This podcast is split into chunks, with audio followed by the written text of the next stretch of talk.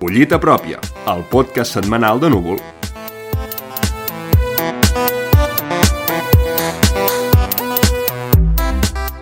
Tothom i benvinguts una setmana més a Collita Pròpia, el podcast setmanal de Núvol on parlarem en menys de 10 minutets d'aquells articles, entrevistes i reportatges més destacats del digital de cultura.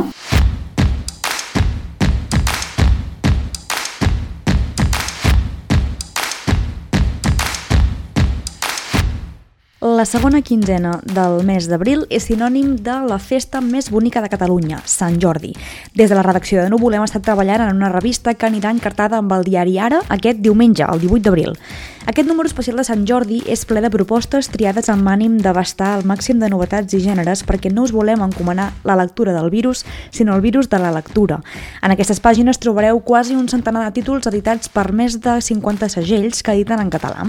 Hi trobareu articles de Ramon Solsona, Ingrid Guardiola, Toni Sala, Anna Carreras, Jordi Llavina, Ofèlia Carbonell, així com peces escrites pels membres de la redacció de Núvol, com ara Joan Bordeus, Clàudia Rius, Oriol Puigtauler, Carlota Rubió, Gerard Mur i Bernat Puigtovella, entre d'altres altres. Aquest diumenge, amb el diari Ara, un tiratge de 35.000 revistes núvol per compartir amb vosaltres la passió per la cultura i la literatura.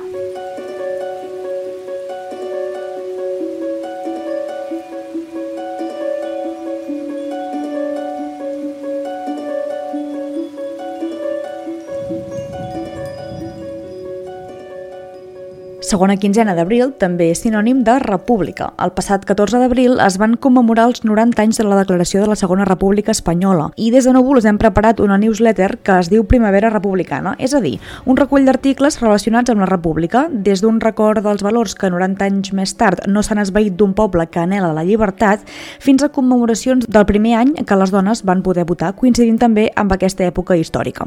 Un compendi d'articles que s'han anat publicant els últims mesos i que tots tenen el mateix tret en comú comú, commemorar una etapa històrica del nostre país, recordar persones que van morir injustament a mans dels qui no acceptaven la democràcia i també esmentar aquelles personalitats que públicament defensaven els valors republicans. Primavera republicana, el digital de cultura.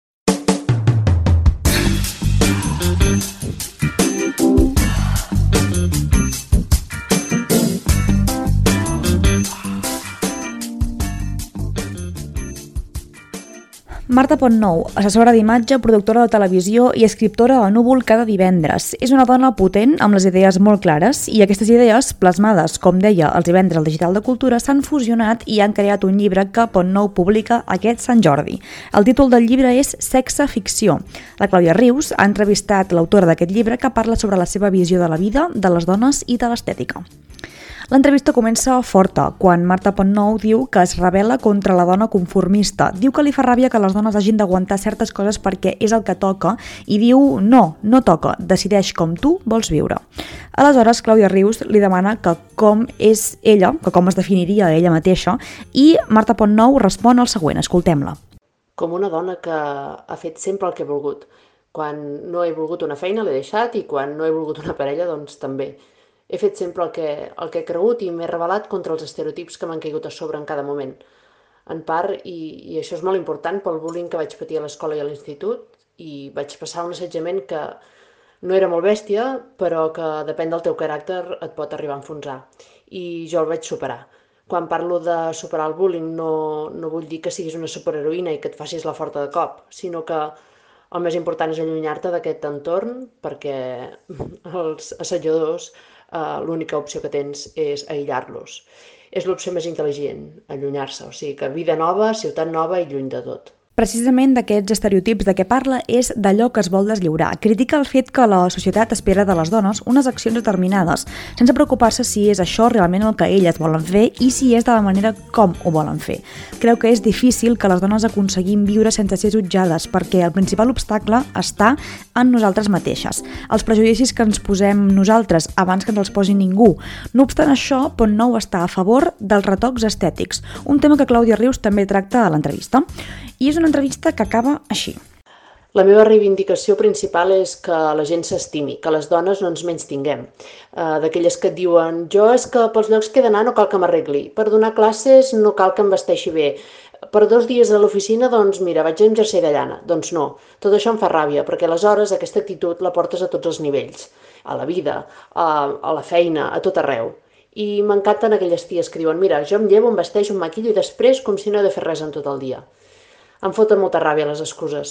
Haig de dir que amb el llibre tinc una mica de síndrome de la impostora, perquè jo no sóc escriptora, però escric coses que, mira, han fet gràcia a la gent i que ara estaran totes juntes en un recull. Crec que l'únic que passa és que mm, l'èxit és perquè vinc d'un punt de vista, un, parlo des d'un punt de vista que no, que no sentim gaire.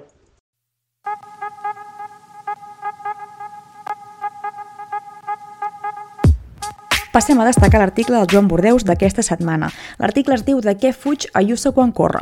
Bordeus aprofita cada detall per fer-ne una paròdia d'aquelles que fan pensar i de l'espot de campanya d'Isabel Díaz Ayuso fent footing pel carrer, Joan Bordeus l'ha convertit en una anàlisi filosòfica sobre la redistribució de la riquesa arranca el president americà Joe Biden vulgui imposar un impost de societats que vinculi totes les empreses del planeta.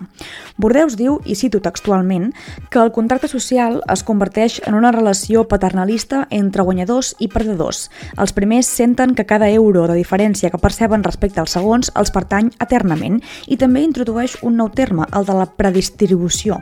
I segueixo llegint. És una nova idea que creu que la narrativa d'un capital bàsic universal té més fundària que la d'una renda bàsica universal. En lloc de parlar sempre en termes de redistribució dels ingressos per reduir la bretxa després de la creació de riquesa, la riquesa s'hauria de compartir per endavant, de dividir la societat entre capitalistes i assalariats a que tothom sigui una mica capitalista. De què fuig, Díaz Ayuso, un article de Joan Bordeus sobre els impostos, la riquesa i el capitalisme.